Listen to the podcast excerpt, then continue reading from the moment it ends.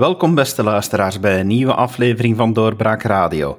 Ik ben David Geens en vandaag zit ik samen met onze politieke specialisten en analisten Pieter Bouwens en professor Bart Maddes. Welkom heren. Dag David. Dag David. Professor, we hebben uh, nu net weer een peiling gehad, uh, kort op elkaar twee peilingen. Is dat bijzonder dat we nu die twee peilingen zo bij elkaar hebben? Ja, eigenlijk wel, omdat er zo weinig peilingen zijn hè, bij ons. Um, dus als ik eventjes stel, dit, is in feite nog maar de derde peiling van dit jaar, van 2021. daarvoor was er nog een in, in, december. Um, sinds de verkiezingen van 2019 we hebben 1, 2, 3, 4, 5, 6, 7, 8, 9, 10, 10 nog maar 10 peilingen. Hè, hoewel dat eigenlijk al twee jaar geleden is, de verkiezing. Um, dus dat is een groot verschil tussen België en andere landen. In andere landen heb je bijna dagelijks peilingen. Um, bij ons zijn peilingen eigenlijk heel uitzonderlijk. En het is ook vrij uitzonderlijk dat die zo dicht, dat er twee peilingen zijn zo kort na elkaar. Um, en de resultaten daarvan liggen min of meer in dezelfde lijn uh, van, die, uh, dus van die twee peilingen. Enerzijds hè, dus van VRT De Standaard, anderzijds uh, het laatste nieuws, VTM en, en Le en daardoor voel je natuurlijk wel ja, dat de politieke impact daarvan uh, groter is dan, dan normaal. Hè. Um, en ja, dus het, blijkt, eigenlijk blijkt uit die peilingen ja, dat de, de Vivaldi-mayonaise niet pakt. Hè. Um, aanvankelijk, dus de, de, de peilingen van vorig najaar, hè, toen zag je um, dat de Vivaldi-partijen, dus eigenlijk de, ja, de vier Vivaldi-partijen als geheel, uh, dat die een beetje uit het dal aan het klimmen waren.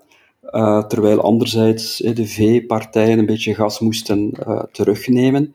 Um, en dat lijkt nu voorbij. Hè. Dus de Vivaldi-partijen die zetten eigenlijk een dalende lijn verder, 42,3 procent uh, volgens de peiling van, van het laatste nieuws. Uh, terwijl de V-partijen, en Vlaams Belang, zitten opnieuw op een, op een heel hoog niveau, 47,9 procent um, waarmee ze normaal gezien um, een absolute zetelmeerderheid zouden kunnen halen in het Vlaams parlement en ook in de Nederlandse taalgroep uh, van de Kamer. Nu, dat laatste, dat is iets technisch, dat is altijd natuurlijk heel moeilijk in te schatten op basis van geaggregeerde procenten. En bovendien is het ook zo, daar heb ik al eens eerder over geschreven in Doorbraak, heb je altijd het probleem Brussel. Hè. Dus je hebt die, die zes um, Brusselse zetels. Um, natuurlijk, Le Soir heeft ook wel resultaten voor de Vlaamse partijen in Brussel. Maar dat is natuurlijk heel moeilijk. Hè. Dat zijn heel, heel lage percentages, 1%, 2%, 3%. Dus dat is eigenlijk heel moeilijk te voorspellen um, wat het resultaat zal zijn van de Vlaamse partijen in Brussel en dus wat eigenlijk de verdeling zal zijn van de zes Brusselse zetels in uh, het, het Vlaams parlement.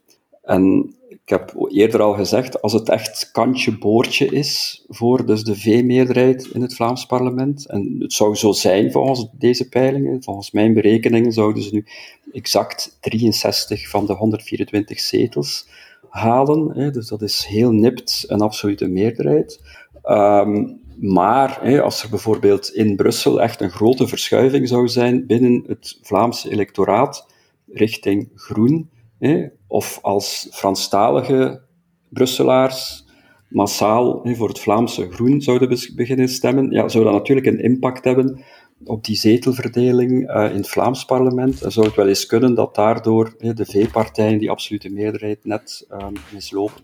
Dan krijg je natuurlijk heel aparte situaties eh, in het Vlaams parlement. Eh, meneer Bouwens, er stond ook al een artikel op doorbraak omtrent de mogelijke zetelverdeling en het mm -hmm. feit dat voornamelijk N-VA een intournable zou worden. Ja. Uh, denkt u dat, dat, uh, dat we toch moeten rekening houden van dat we een heel ander spel krijgen uh, als, als er een meerderheid mogelijk is bij de V-partijen? Goh, ik denk dat er um, meer speelt dan alleen een meerderheid tussen Vlaams Belang en N-VA. Um, er speelt onder andere mee, um, vallen al die verkiezingen opnieuw samen, ja dan nee. Ik denk dat dat een belangrijke factor is. Omdat ehm, ik er nog altijd van overtuigd ben dat N-VA op dit moment hun eieren in het mandje legt van een groot akkoord met de PS. En als een uh, coalitie met het Vlaams Belang dat in de weg staat, dan gaan ze dat niet doen. Maar valt Vivaldi vroeger, en, en we zitten daar in de constellatie dat het duidelijk is dat er zoiets komt, ja dan nee, ja, dan, dan, dan liggen de kaarten weer wat anders. Daarnaast, hè, als je ook eens goed kijkt naar wat er elders gebeurt, uh, in Brussel zie je dat PS, MR, Ecolo uh, ongeveer op dezelfde hoogte staan. Uh, PTB schuift ook op. Tot ongeveer diezelfde hoogte gaat er ook weer op vooruit. in Wallonië zie je eigenlijk, uh, ja, ik ging zeggen hetzelfde, maar goed, PTB is daar nu de tweede partij. Gaat er fors op vooruit, PS zakt. Wat gaat er daar gebeuren? Gaat PS met de PTB een, uh, een coalitie aangaan in, in Waals gewest of, of uh, Franstalige gemeenschap? Dan liggen de kaarten ook anders voor Vlaanderen. Je kan moeilijk zeggen om, om daar een coalitie aan te gaan met, met de PTB, maar Vlamingen te verbieden om dan met het Vlaams Belang een coalitie te vormen.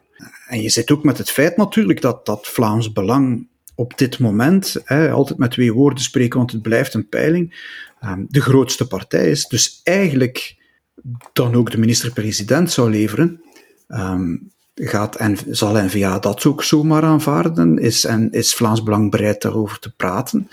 Um, dus er zijn nog wel wat, ja, er zijn nog wel wat, wat, wat, wat meer dingen die meespelen dan puur electoraal. En daarnaast ook natuurlijk, ja, dit is een peiling die doet alsof heel Vlaanderen één kieskring is. Hè. Herman Matthijs heeft dat ook geschreven uh, bij ons op Doorbraak.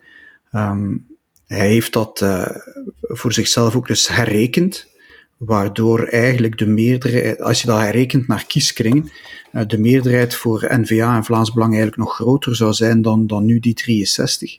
Um, je moet ook rekening houden dat, dat je eigenlijk al vier partijen, de N-VA heeft vier partijen nodig voor een regering te vormen zonder Vlaams Belang. De vraag is, hoe aantrekkelijk is dat? Dus er zijn een hele hoop afwegingen die zullen moeten gemaakt worden, die het eigenlijk niet zo eenvoudig maken, ook voor N-VA. Want natuurlijk, kiezen is ook altijd verliezen, dat is zeker ook zo in politiek. Dus ja, ik, ik, ja, ik denk niet dat, dat ze daar bij NVA vreselijk vrolijk van worden van die situatie. Ja, misschien een, een technisch puntje. Um, het is wel degelijk zo, dus in, als, als ik aan zetelberekeningen doe, dat ik niet zomaar dus dat, dat Vlaamse percentage omreken mhm. naar, naar zetels. Hè. Dus ik hou wel degelijk ook rekening met met verschillen tussen, uh, tussen de verschillende kieskringen. Hè. Dus dat betekent bijvoorbeeld hè, dat de, de, de PVDA-zetels in het Vlaams parlement, uh, ja, die vallen natuurlijk vooral dan in, in Antwerpen. Antwerpen waar je er rekening mee houdt dat PVDA het sterkst staat in de, in de kieskring mm Antwerpen. Um, dus het is, wat, wat ik doe is even gesofisticeerd als wat, wat dat Herman Matthijs doet. Maar dat, is, dat is eigenlijk niet zo belangrijk. Ja, nee. Maar um, ik, de grote vraag is inderdaad, als die meerderheid er zou zijn in het Vlaams parlement, ja, wat zal er gebeuren? En ik denk dat het nuttig is om daar een onderscheid te maken tussen een, het plan A van de NVA en het plan B. Hè. Dus het plan A is volgens mij, hè, zoals Pieter ook al zei, uh, proberen een groot confederaal akkoord te maken met de PS. Mm En de NVA weet zeer goed, uh, als ze uh, het cordon zou doorbreken, en als ze zou besturen, als de partij zou besturen met Vlaams Belang, ja, dan gaat de deur bij de PS onmiddellijk dicht. Hè. Dat, dat is heel duidelijk. Hè. Dan is het no way. Um, en ik denk dat de, de vergelijking met PVDA daar ook niet opgaat. Hè. Ze zou moeten opgaan. Hè. Ik denk inderdaad, ja, waarom, uh, waarom een cordon tegen Vlaams Belang en niet tegen PVDA? Hè. Uh, dus dat, daar zijn duidelijk twee maten en twee gewichten. Want je ziet zeker langs Franstalige kant, maar eigenlijk ook meer en meer langs Vlaamse kant, dat PVDA als een redelijk normale partij wordt beschouwd. Mm ja, uiteindelijk, na de lokale verkiezing van 2018, ook na de, na de regionale verkiezing van 2019, heeft de PS op verschillende plaatsen onderhandeld met de, met de PVDA. Dus dat was geen enkel probleem. Het probleem was vooral ja, dat PVDA eigenlijk te weinig compromisbereid was. Uh, en dan voor de, voor de Waalse regering op een bepaald moment zelf de deur heeft, heeft dichtgedaan. Maar dus daar was geen enkele sprake. ja, maar er was geen enkele, geen enkele sprake van, van een cordon tegen PVDA. Hè. Ook, ook, in Vlaanderen um, bestuurt PVDA in een paar, uh, um, op lokaal vlak in een paar gemeenten. Um, dus hoe erg het ook is, hè, uh, besturen, onderhandelen met uiterst links hè, is geen enkel probleem. Hè, terwijl ten opzichte van Vlaams Belang ja, geldt er eigenlijk een bijna fundamentalistisch uh, cordon. Um, en de NVA weet, ja, als ze dat cordon doorbreekt, ja, dan is het no way voor de, voor de PS. Uh, dus plan A impliceert niet besturen met het Vlaams Belang. Maar wat zal er gebeuren als het niet lukt om met de PS een akkoord te bereiken over mhm. confederalisme, of als, um, als de N-VA opnieuw opzij wordt gezet in de oppositie. Nee, want vergeet niet, zelfs met deze slechte peilingresultaten voor Vivaldi, zowel in Vlaanderen als in Wallonië, heeft Vivaldi wel nog altijd een meerderheid, een zetelmeerderheid in de Kamer van 81 zetels. Hè. Mhm. Ehm, natuurlijk totaal geen meerderheid in, in Vlaanderen, maar bon, dat is blijkbaar geen probleem meer voor de, voor de traditionele partij. Dus met deze peilingresultaten kan Vivaldi in principe gewoon verder uh, regeren. Dus men kan N-VA opzij duwen. Dat, ik vermoed dat dat eigenlijk ook het meest waarschijnlijke scenario zou zijn, mocht dit de verkiezingsuitslag zijn. En dan natuurlijk kan ik mij goed voorstellen, als de N-VA federaal opzij wordt geschoven, dat er dan binnen de N-VA een soort van mindset zou ontstaan van kijk, ja, dan laat men ons eigenlijk geen andere keuze uh, dan op Vlaams niveau te besturen met Vlaams Belang en het verkiezingsresultaat in Vlaanderen te respecteren. Hè, zodanig dat het, het, de, de, de wil van de Vlaamse kiezer, als die wordt genegeerd op Belgisch niveau, dat die toch minstens wordt gerespecteerd op Vlaams niveau. En dan kan ik mij voorstellen dat, dat binnen de NVA de politici die nu duidelijk uh, uh, huiverig staan tegenover zo'n samenwerking met Vlaams Belang, want natuurlijk, allee, NVA goed, is, is, is momenteel verdeeld daarover, denk ik. Hè. Niet dat men mhm. met getrokken messen tegenover elkaar staat, maar er zijn duidelijk twee verschillende visies daarover. Uh, maar als NVA echt zou opzij gezet worden federaal, ja, dan kan ik mij voorstellen dat zo degenen die daar nu huiverachtig tegenover staan, dan ook wel de knop zullen omdraaien en zullen zeggen van kijk, nu laat men ons geen keuze, nu gaan we Vlaams voor een coalitie met, uh, met Vlaams Belang. Maar dat is duidelijk plan B voor de NVA. En de NVA zal dat ook nooit met zoveel woorden zeggen, want alleen al dat zeggen, dat alleen al in het vooruitzicht of de, of de PS daarmee afdreigen, mhm. ja, uh, zou tot gevolg hebben dat de deur dicht gaat bij de PS. Ik heb al op, uh, op debatten tussen NVA en Vlaams Belang gezeten. Met een duidelijk Vla Vlaams gezind publiek die eigenlijk alleen maar NVA wil horen zeggen: ja, we gaan dat doen. Uh, met, met Vlaams Belang uh, regeren. En natuurlijk komt dat nooit. En dat zal ook nooit komen. Uh, dat ze dat voor de verkiezingen zijn. Het, het zal moeten blijken uit, uit, ja, uit wat er zal gebeurt. Maar mag ik ook toch nog eens wijzen op ja, die peiling legt toch ook bloot hoe groot het politiek verschil tussen Vlaanderen en Wallonië is. Als je ziet, N-VA, Vlaams Belang komen bijna aan 50% samen. Um, en aan de andere kant, hè, Franstalig België, zie je toch die enorme linkse tot radicaal linkse meerderheid die, die daar bijna 60% haalt. En dat is toch ook een, een, een tweedeling die ja, alsmaar groter wordt. En die het ook politiek alsmaar moeilijker maakt om, uh, ja, om die politieke puzzel, om die coalitiepuzzel te leggen. Hè. Um, ook CD&V heeft het niet makkelijk. Um, wat dan natuurlijk eigenlijk misschien zelfs de, moet ik dat zeggen, um, de grootste wankele factor is voor een Vivaldi 2. Hè. Als CD&V het echt slecht doet in die verkiezingen, gaan zij nog geneigd zijn om in te stappen in een tweede Vivaldi-regering die vraag stel ik mij. Ze gaan een inhoudelijk congres organiseren. Ik ben daar zeer benieuwd naar. Um, maar het is toch, ja, ze hebben een risico genomen en ja, ze komen daar niet echt uit. Nee, want daar wil ik eens even inderdaad dieper op inzoomen. We hebben nu twee peilingen, dus het feit dat die elkaar bevestigen maakt dat we eh, deze keer toch iets meer kunnen zeggen dan van, och, het is maar een peiling. En bij beide valt op, CD&V scoort historisch laag. ja, dan zie je onmiddellijk de reacties daar. Ehm, dat off the record toch vragen worden gesteld. En, en ja, de, de voorzitter die dan zegt, ja, maar we doen het goed, maar we moeten het beter in de verf stellen. Vinden jullie dat, dat er echt een probleem is met CD&V? Dat ze nog kunnen omkeren? Ja. Een diepe zucht bij beiden. Ja, ja.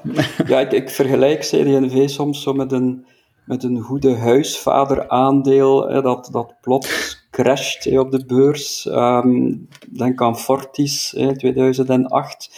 Um, men kan zich dat eigenlijk niet voorstellen. Hè. Dat is zo'n machtige partij als CD&V, die eigenlijk zo lang de Vlaamse en de Belgische politiek tot en met heeft gedomineerd. Hè. Mhm. Dat zo'n partij richting kiesdrempel zou, zou gaan en, en uiteindelijk zou verdwijnen, hè. een centjesaandeel zou worden. Vandaar, je ziet dat ook, dat dan de mensen, zoals ze, dat ze zich zich vastklampen aan dat aandeel en, en altijd maar blijven denken hè, van ja, het, het zal wel opnieuw stijgen hè, en ik ga het nu niet op een dieptepunt verkopen. Um, maar ja, als het echt structureel slecht gaat met dat bedrijf, ja, dan, dan blijft dat aandeel maar dalen en dan is men eigenlijk alles kwijt. Hè. Um, en dat is nu precies wat er met CD&V aan de hand is. Hè. Ik bedoel, je ziet daar echt eigenlijk al sinds, sinds jaren 60 hè, een lineaire daling van het marktaandeel van CD&V eventjes onderbroken met in de jaren 70 uh, de bult van Tindemans. Um, En dan nog later, 2004, 2007, het kartel CD&V-NVA. Uh, maar voor de rest is dat een voortdurende daling die, die altijd maar verder gaat. Um, het probleem van CD&V is natuurlijk ook ja, dat uiteindelijk de, de partij is niet laag genoeg gezakt um, om echt uh, heel drastische zaken te overwegen. Uiteindelijk, CD&V had nog altijd 14,5% in 2019.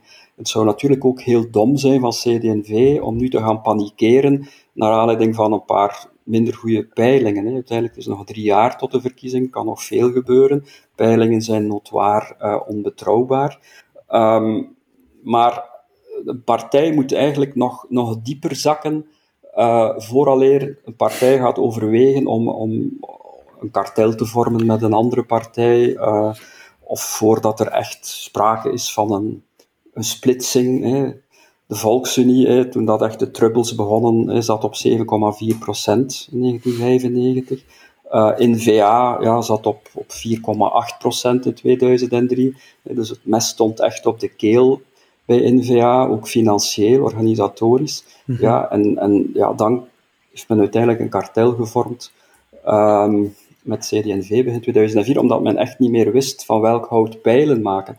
Maar natuurlijk, allee, CD&V zit nog altijd niet in, in die positie. Hè. CD&V is voorlopig nog altijd groot genoeg ja, om, om gewoon verder te doen uh, als partij. Maar natuurlijk, mocht dit resultaat werkelijkheid worden en, en CD&V zakt naar 10% of nog lager, uh, ja, dan gaan natuurlijk de poppen aan het dansen gaan. En, en, dan is de grote vraag wat er zal gebeuren. Ik ben uh, de memoires van Erik van Rompuy aan het lezen. Um, en daar zie je ja, uh, verkiezingsnederlagen van de CD&V waar ze dik in de maar dik in de 30% haal. En de, de, enorme tristesse die dat meebrengt. Um, en nu zie je ja, 10% minder dan de CDH zelfs, de, de Franstalige voormalige zusterpartij moet je eigenlijk zijn. Um, en ook ja, een goed huisvaderaandeel. Ik, ik, ik denk dan altijd, CD&V verkoopt zich als, ja, wij zijn de partij van het goed bestuur. Alsof er ook partijen zijn die opkomen voor slecht bestuur. Dat is natuurlijk geen politiek punt om jezelf te verkopen. Maar ze hebben eigenlijk weinig anders overgehouden door het parcours dat ze de laatste jaren hebben gelopen. Uh, en, en, en ja, CD&V heeft geen duidelijk profiel meer. Ze staan eigenlijk nergens voor. bij Groen kan je, kan je daar iets op plakken, ook al doen zij het ook slecht in die peiling. Um, bij, bij NVA, Vlaams Belang, je kan daar iets op plakken. Maar bij CD&V niet. En, en om het nog erger te maken, lijkt CD&V voor mij op dit moment een beetje een, een, ideologisch zwalpende partij. Ze hebben geen antwoorden op de kwesties van vandaag. de kwesties van, van, van klimaat, maar ook migratie.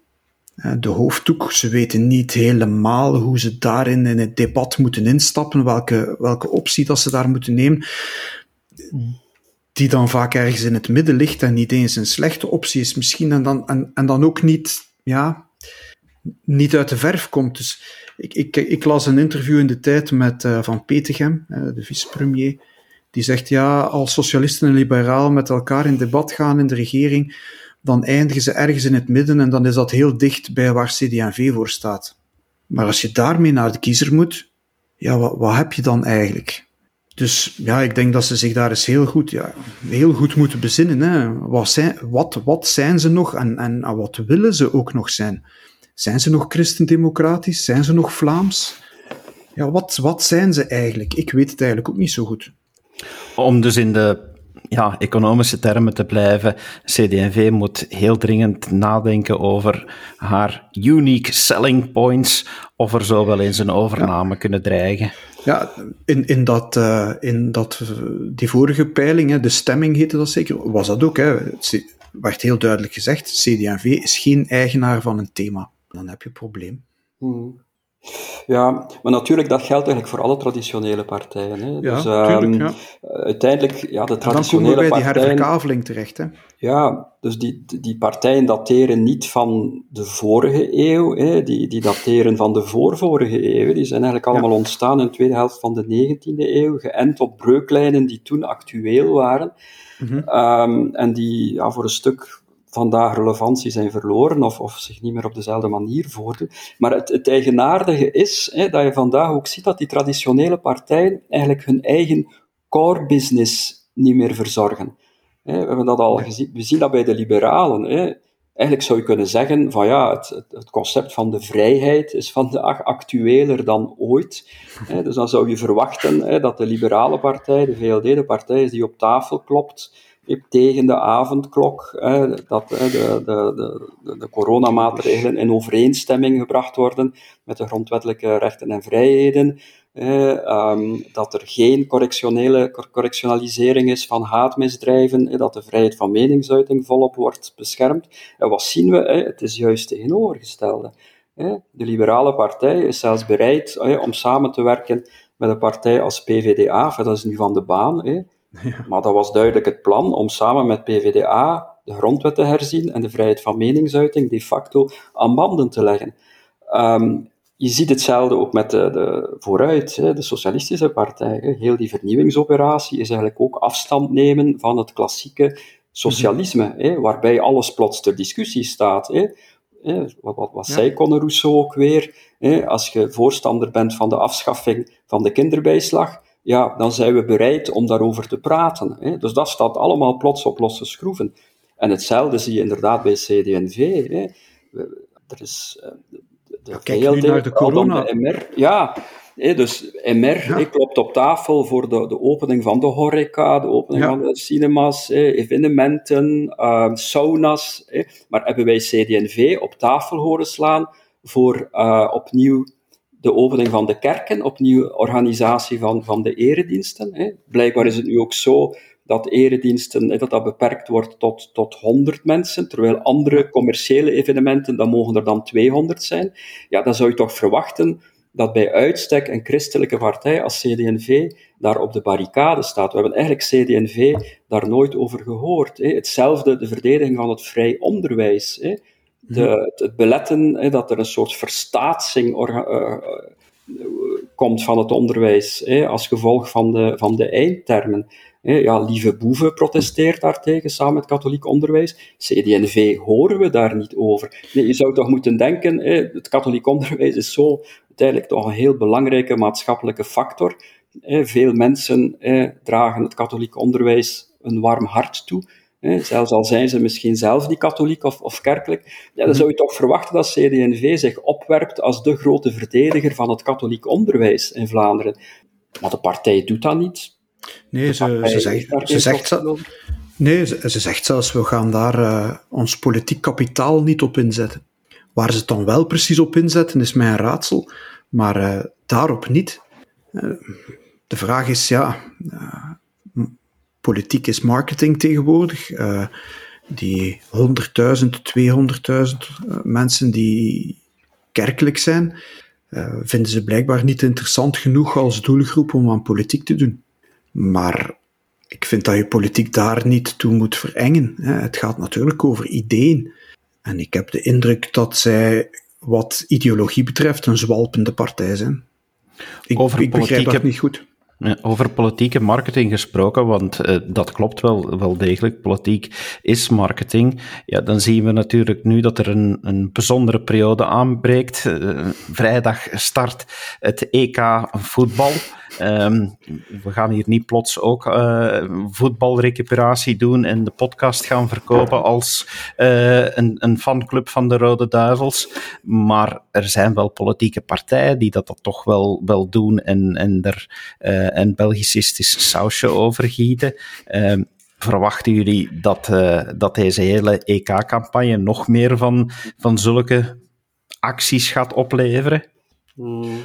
Ja, ja, ik had eigenlijk gedacht om, om zo'n vlag te bestellen bij PvdA. Wie weet is dat wel een goede stofvot of een, of een goede dweil. Hè? Want vroeger had je toch zo ook van die dweilen met, met de Belgische drie kleuren. Ja, klopt. Uh, ja, ja, dat waren de beste naar het schijnt. Ja. ja, maar het is inderdaad zo. Allee, PvdA mag Belgische vlaggen uitdelen. Vlaams Belang deelt met 11 juli Vlaamse, vlaggen uit. Dat is uh, ook het, het, verkopen van, van gadgets eh, buiten de sperperiode is eigenlijk toegestaan. Uh, dus dat is allemaal geen, geen probleem. Uh, maar het is wel zo, dus tot, tot nu, want ik heb zo pas nog eventjes gekeken, ja, is het toch echt wel zo dat, dat, dat PVDA de mensen eigenlijk wel bedriegt. Als je kijkt naar, naar die website van We Are One, dan moet je echt al met een vergrootglas kijken of helemaal doorscrollen tot onderaan om te zien dat dat eigenlijk een, een PVDA-initiatief is. Mhm. Dus dat is echt wel niet correct. En, en, het is niet de dus, eerste keer dat ze dat doen, hè? Wel, ze hebben dat bij het begin van de corona hebben ze massaal affiches uitgedeeld. Uh, met ook steun voor, de, steun voor de zorgsector. En je moest heel goed kijken en weten, dit is het lettertype van de PvdA, om te weten dat dat een PvdA-affiche was. En je zag ze op veel plaatsen hangen. Ja, dus ze rijden echt de kantjes ervan af. We hebben dat ook gezien met die, dus die, die lidgelden. Dus dan vragen die aan, aan bepaalde mensen die dan een speciaal statuut kunnen krijgen binnen een partij enorm hoge lidgelden. Dat zijn dan natuurlijk verborgen giften, maar giften zijn verboden. Uh, hoger dan 500 euro, maar dan registreert men dat als lidmaatschapsbijdrage. Dus op allerlei manieren eh, probeert uh, PVDA de kantjes ervan af te rijden. Dat is toch eigenlijk wel wel ergerlijk. Een zeer kapitalistisch systeem eigenlijk voor een communistische partij. Inderdaad, en dat geldt trouwens ook ten gronde, hè, ja, dat, dat men nu allez, dat, het, het karretje hangt aan, aan dat heel commerciële voetbalgebeuren hè, met gigantische. Maar, maar goed, ze zijn, er wel, ze zijn er wel mee in de media geraakt. Hè, en ik denk dat dat voor PvdA ook belangrijk was. Hè. Ik heb uh, Peter Mertens in de ochtend gehoord. Je hoort die daar niet zo vaak terwijl hij wel deel uitmaakt van een ja, toch belangrijke oppositiepartij. Ja, op, op dat punt is die stunt dan toch gelukt. Hè? Ja, dat, is marketing, hè, David? Dat is inderdaad marketing, hoewel ze, eh, om dat toch ook maar even te vermelden, gisteren zijn ze met eh, al hun advertenties door Facebook geschrapt, omdat ze de regels overtreden hebben, omdat ze niet aangaven dat ze sponsorden als politieke partij. Dus je ziet toch eh, dat, uh, dat men daar inderdaad meer dan de kantjes afloopt en echt wel de regels overtreedt.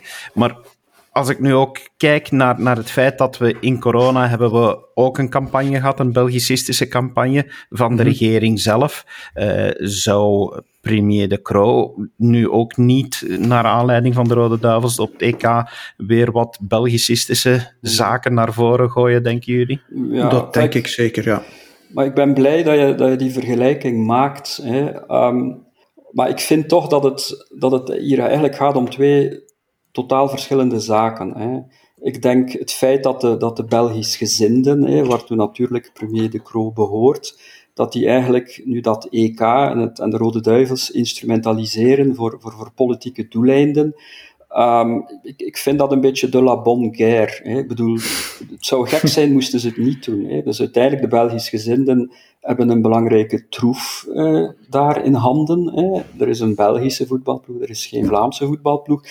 Dus ik vind het legitiem ja, dat, dat proberen politiek uit te buiten. Hè. Natuurlijk, wij zien dat niet graag gebeuren, dat is iets anders. Uh, maar ik vind het legitiem. Nu, dat is iets totaal anders dan die, die campagne, een ploeg van 11 miljoen rond de jaarwisseling. Dat vond ik echt verwerpelijk en ethisch niet correct. Hè omdat men dus daar ja, het probleem had van dus eigenlijk die dramatische gezondheidssituatie. Uh, men moest ja, de mensen sensibiliseren, achter al die maatregelen krijgen. Uh, en dan ja, gebruikt men die gezondheidskwestie, misbruikt men die gezondheidscrisis voor politieke doeleinden. En, en brengt men ook eigenlijk de, ja, de, de effectiviteit van zo'n campagne in het gedrang. Want als je natuurlijk zegt van um, we moeten strijden tegen corona als een ploeg van 11 miljoen en je giet daar een, een, een sausje op, ja, dan ga je natuurlijk de, de, de nationale kiezers van u vervreemden. Hè? Uh, dus dat is zowel om, om, omwille van principiële als omwille van praktische redenen um, vond ik dat verwerpelijk. Hè. En trouwens, het is zo, hè, als je nu kijkt naar de communicatie van de Vlaamse regering hè, rond heel die vaccinatiecampagne, uh, dat is politiek veel neutraler. De Vlaamse regering zegt niet van wees een goede Vlaming en laat u vaccineren, hè, waardoor dat je dan misschien wel de Belgicisten zou afschrikken. De Vlaamse regering die communiceert op een, op een heel neutrale, politiek neutrale manier mhm. daarover, zoals het ook hoort hè, voor een voor een overheid. Uh, dus ik denk dat daar wel een enorm verschil is tussen eh, um, een ploeg van 11 miljoen en eigenlijk het instrumentaliseren van de gezondheidscrisis voor Belgicistische, met een Belgicistisch oogmerk, en nu het instrumentaliseren uh, van de Rode Duivels. Ik, ik denk dat men zich ook een beetje aan Belgicistische zijde uh, snel rijk rekent. Ik moet eerlijk toegeven, ik zag, ik denk vorige week, de eerste uh, Belgische vlag hier een beetje verder uithangen. En ik dacht spontaan, oei, is er ergens voetbal? Um, het is een soort, ja, die Belgische vlag is een soort voetbalvlag geworden, denk ik dan. Um, ik ken ook veel echte Vlaams nationalisten, voetballiefhebbers, die voor de Rode Duivels supporteren. Het is ook iets aangenamer dan uh, een tiental, vijftiental jaar geleden, heb ik mij laten vertellen. Ik moet eerlijk toegeven dat ik daar niet zo heel veel van weet, uh, David. Um, maar of dat nu echt politiek een verschil gaat maken, uh, zelfs mochten de Rode Duivels het EK winnen, wat volgens uh, bepaalde analisten blijkbaar staat te gebeuren, ehm, denk ik niet dat dat politiek enige impact heeft. Ik denk dat men zich daar inderdaad, zoals ik daarnet zei, rijk rekent, maar dat die twee eigenlijk helemaal niks tot bijna niks met elkaar te maken hebben. Dat politici dat proberen, dat moeten ze weten. Maar of het echt een verschil gaat maken, daar twijfel ik heel, heel ernstig aan. Ja, het mooiste bewijs daarvoor dat is het WK in, in Brazilië in 2014. Um, dus dat vond plaats, of omgekeerd, de verkiezingen van 2014 mhm. vonden plaats in de onmiddellijke aanloop naar het, het WK in, in Brazilië. Um, en de NVA heeft toen de hoogste score ooit gehaald. Hè. Een derde van de Vlamingen heeft gestemd voor de NVA, dus eigenlijk voor de separatistische partij. Ik ben, ik ben wel ehm, benieuwd of, of de pers daar ook weer op zal springen. Ik weet niet of je je dat herinnert, maar uh, bij dat WK ook en zo, uh, of, of bij het vorige, uh, ja, Jan Jan Bon in de studio's voor te vragen of hij als Vlaams nationalist wel voor de Rode Duivel supporterde. Dat ik denk van, kom aan jongens, um, ik bedoel, wat is de journalistieke relevantie daar eigenlijk nog van? Maar ja, de journalistieke relevantie vanuit natuurlijk het, het perspectief van de journalistiek, en die is overwegend uh, Belgisch gezind, is natuurlijk ja, omdat, ze, omdat ze weten ja, dat ze daarmee op een, op een uh, dat dat een soort Achillespees is hè, van, van de mhm. Vlaamse journalisten. Want uiteindelijk, ja, dat is natuurlijk wat dat het wel... Ik, ik, ik ben het ermee eens, Pieter, met wat je zei, dat je dat moet relativeren. Um, maar anderzijds is het natuurlijk ook wel zo dat echt de hardcore Vlaamse journalisten, ja. die, die gaan nooit een Belgische vlag uithangen. Hè. Zelfs al staat er dan reclame op van, van, van Jupiter, uh, van Jupiler liever. Um, dus dat, dat echte ja, harde Vlaams nationalisme, hè, dat, dat anti-Belgicisme, ja, we moeten wel erkennen dat dat uiteindelijk heel marginaal is in, in, in, Vlaanderen. Dat is een subcultuur, dat zijn een paar procenten van, van de bevolking. Mensen die naar het zangfeest gaan, naar de ijzerwaken, die wellicht ook, ook doorbraak lezen. dus dat, dat, dat is een vrij marginaal fenomeen. Het is inderdaad zo, als je, als je daarover praat met, met, met, met, met kennissen, zelfs mensen waarvan dat je weet dat als ze min of meer Vlaams gezind zijn, of voor N-VA, of zelfs mm Vlaams Belang uh, stemmen, ja, probeer maar eens te zeggen van ik hoop dat de Rode Duivels gaan verliezen. Hè. Dus je krijgt daar onmiddellijk een, een, ja, ja. een, een, een heel negatieve reactie op. Hè. En een, reactie Tuurlijk. van onbegrip. Uh, dus dat, natuurlijk heel, dat zou heel dom zijn uh, van ons om, om ons nu daarop te profileren. Hè, om, om nu te zeggen is, van, het is oh, net ik daarop... dat de Rode Duivels verliezen. Ja, dus het, maar het is net dat sentiment dat, de, dat, dat, dat journalisten dan proberen op te wekken met NVA's en Vlaams Belangers. Ah, ja, ik, natuurlijk. En dan ik, ik verwacht eigenlijk hebben. vragen voor, voor, voor Tom van Grieken ook in deze campagne. Natuurlijk, ja. En dan moeten wij het verstand hebben uh, om, om, om ja, daar niet in die val te trappen hè, en om ons gewoon gedijst te houden maar, maar en, en, om wel, dat te laten overwaaien en om, om, om, om zeker niet publiek te zeggen, want wij zijn tegen de Rode Duivels. Ik heb daar nog over geschreven op Doorbraak, heel lang geleden, ik zou het eens moeten gaan zoeken. Um, ze zijn er wel, hè, die Vlaams nationalisten, die supporteren voor Oranje, om vooral niet voor de Rode Duivels te supporteren. Maar ze zijn er zeker, Allee, daar twijfel ik niet aan. Maar, maar en die dat zijn is een, niet zo een, groot in getal, ja, maar... in, in percentages is dat een, een, vrij, klein, een vrij kleine groep. Ik vergelijk het soms allee, zo met de, de, de vrijzinnigheid. Hè. Uh, bedoel, Ja, ja. als je de vrijzinnigheid reduceert hè, tot, de, tot de loge hè, en echt uh, de militante uh, anti-katholieken, de papenvreters, om zo te zeggen, ja, dan kom je ook terecht bij een, bij een heel marginale groep in de samenleving. Hè. Uh, maar natuurlijk, ja, de, de maatschappelijke betekenis van de vrijzinnigheid is oneindig veel groter dan, dan dat. Hè. Oh, omwille van secularisering, ontkerkelijking. ontkerkelijking hè. Ik bedoel, uh, de meerderheid van de, van de mensen zijn eigenlijk wel uh, vrijzinnig in de, in de heel letterlijke bezin, zin van, Ja, van het waar. woord, denk ik. Hè. Zijn seculier. Hè. En, en eigenlijk is het een beetje hetzelfde, geldt hetzelfde voor het Vlaams nationalisme. Hè. Als je dat reduceert eh, tot, tot echt dat, an, dat virulente anti-Belgicisme, dan, dan kom je terecht bij een heel beperkte groep. Ja, Uh, en maar als je op, kijkt naar het verkiezingsresultaat en eigenlijk het algemene sentiment, uh, ja, dan is een, een heel grote groep, misschien zelfs wel een meerderheid van de Vlamingen, heeft een soort fundamenteel Vlaams identiteitsgevoel. Ja, maar, maar, maar dat schuift ook. Hè. Je merkt in die jongere Vlaamse beweging dat dat ehm, Vlaams nationalisme, dat uh, ja, Vlaamse rand, Vlaamse onafhankelijkheid blijft nog wel, maar dat dat een beetje wegdeemstert um, ten nadele van, of te, te, van het identitaire. Het identitaire, waar dat je soms ook hoort zeggen van ja, maar ja, die rechtse Franstaligen, uh, die zijn onze bondgenoten in een strijd tegen de islam. Uh, we moeten die niet zien als onze vijand. Dus ook, ook in die Vlaamse beweging schuift wel een en ander. Niet in die echt traditionele, maar toch in een aantal studentenbewegingen gekoppeld aan Vlaamse beweging zie je wel zo'n zo'n verschuiving. Ik vind dat wel interessant om te volgen eigenlijk. Misschien is voer voor een andere podcast of een artikel op doorbraak, maar uh, dat, dat is een verschuiving die je merkt vandaag in de Vlaamse beweging. Maar de vraag is natuurlijk of we zullen kijken naar de voetbal. Wel, ik weet alleszins dat we voor deze podcast ook dringend een We Are The Real One campagne moeten beginnen voeren. Uh, maar ik zou toch nog even terug willen naar, naar de politiek van deze week. Uh, we hebben nu net een, uh, een sociaal akkoord, een loonakkoord, dat, dat voelt aan voor de mensen van de regering als een overwinning. maar daar zitten toch wel ook een paar angeltjes aan. vindt u niet, meneer Bouwers?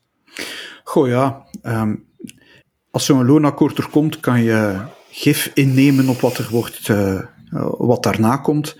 De oppositie is er tegen en de regering vindt het fantastisch.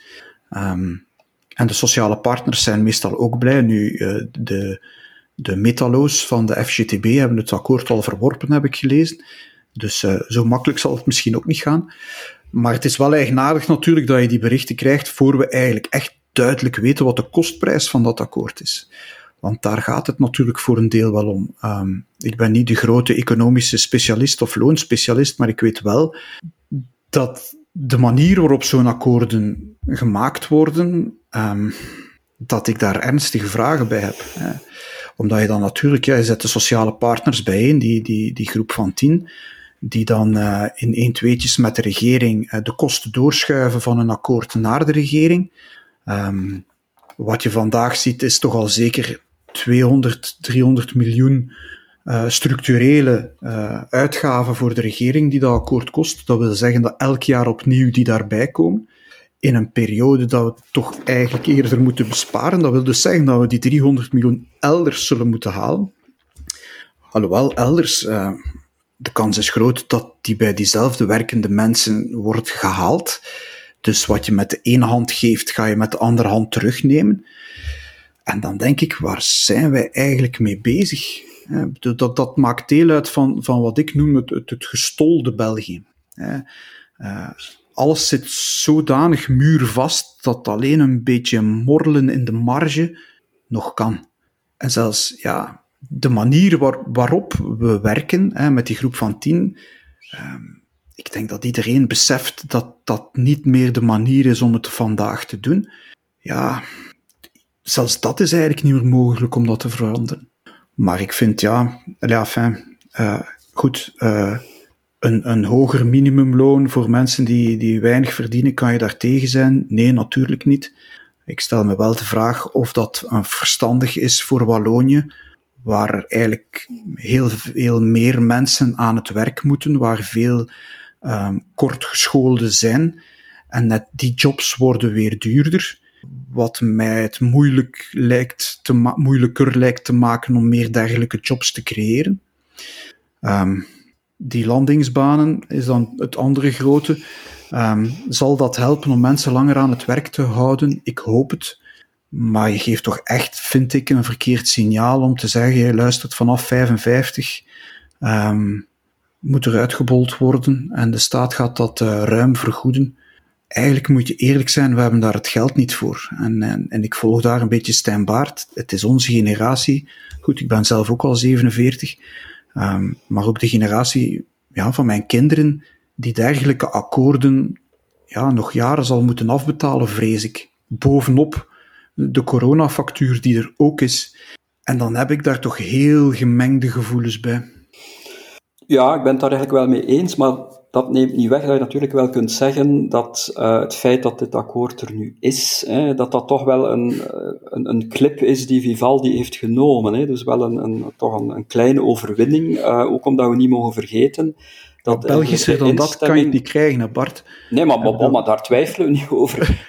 dat er een akkoord is, is een overwinning. Wat het akkoord nee, inhoudt, dat maakt niet uit. Nee, nee maar bedoel, Belgischer dan Vivaldi ga je, niet krijgen. Dat is ook waar. Um, maar dus de PS had wel gezegd van, allee, wij zijn enkel akkoord met dus eigenlijk uh, dus de deal rond de loonnorm, de 0,4 procent, plus dan die premie van 500 euro. Als er ook onder de sociale partners een akkoord wordt bereikt, vooral over de minimumlonen, Um, en dus de minister van Werk van de PS, Pierre-Yves Dermagne, heeft ook achter de schermen een belangrijke rol gespeeld om, om dus eigenlijk de sociale partners uh, naar dat akkoord te duwen. Um, en dat is uiteindelijk gelukt. Dus er zal wel een zucht van opluchting geslaagd zijn binnen, binnen de Vivaldi-partijen. Dus daar moeten we ook niet, niet flauw over doen.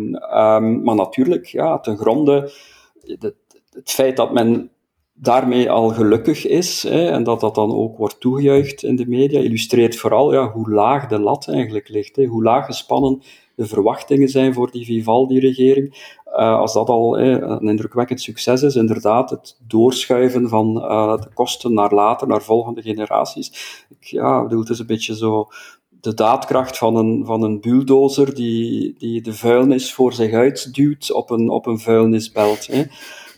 Um, maar ik, ik verwacht wel ja, dat men het eigenlijk op die manier um, nog wel zal kunnen rekken tot 2024. Hè. Dus het scenario, en dan komen we eigenlijk terug naar het begin van de podcast, hè, dus het scenario van een vervroegde verkiezing, uh, daar geloof ik eigenlijk niet in. Met dat soort non-beleid, dat nog, er zijn nog drie jaar te gaan. Um, de relance die eraan komt, daar kan men dan een beetje op surfen. Maar echt fundamentele hervormingen van arbeidsmarkt, van pensioenen enzovoort, van fiscaliteit. Ik denk dat we, ons, ons, ons, dat we dat niet meer moeten, moeten verwachten. Misschien moeten ze een burgerplatform oprichten, David, om na te denken over fundamentele veranderingen wel, ik denk dat men in de eerste plaats eh, voornamelijk moet blijven luisteren naar onze podcast, waar we de lat niet lager leggen en waar we nog zeker niet denken om binnen de 20 eh, jaar landingsbanen te gaan voorzien. Want uh, deze analyses zijn veel te grondig om ermee te stoppen. Ik wil jullie heel hartelijk danken om ook deze week uh, weer die analyses te maken. Professor Maddes, Pieter Bouwers, dankjewel. Graag, graag gedaan. En uw beste luisteraar, dank u wel om te luisteren. Blijf zeker afstemmen op onze podcast. Kijk ook eens naar de, naar de app die we eh, lanceren. Dat is zeker ook wel de moeite om eens uh, te downloaden en te installeren. Graag tot de volgende keer. Dag. Dit was een episode van Doorbraak Radio, de podcast van doorbraak.be. Volg onze podcast op doorbraak.be/radio of via Apple Podcasts, Overcast of Spotify. Bezoek ook onze website op doorbraak.be en steun ons door een vriend te worden van Doorbraak.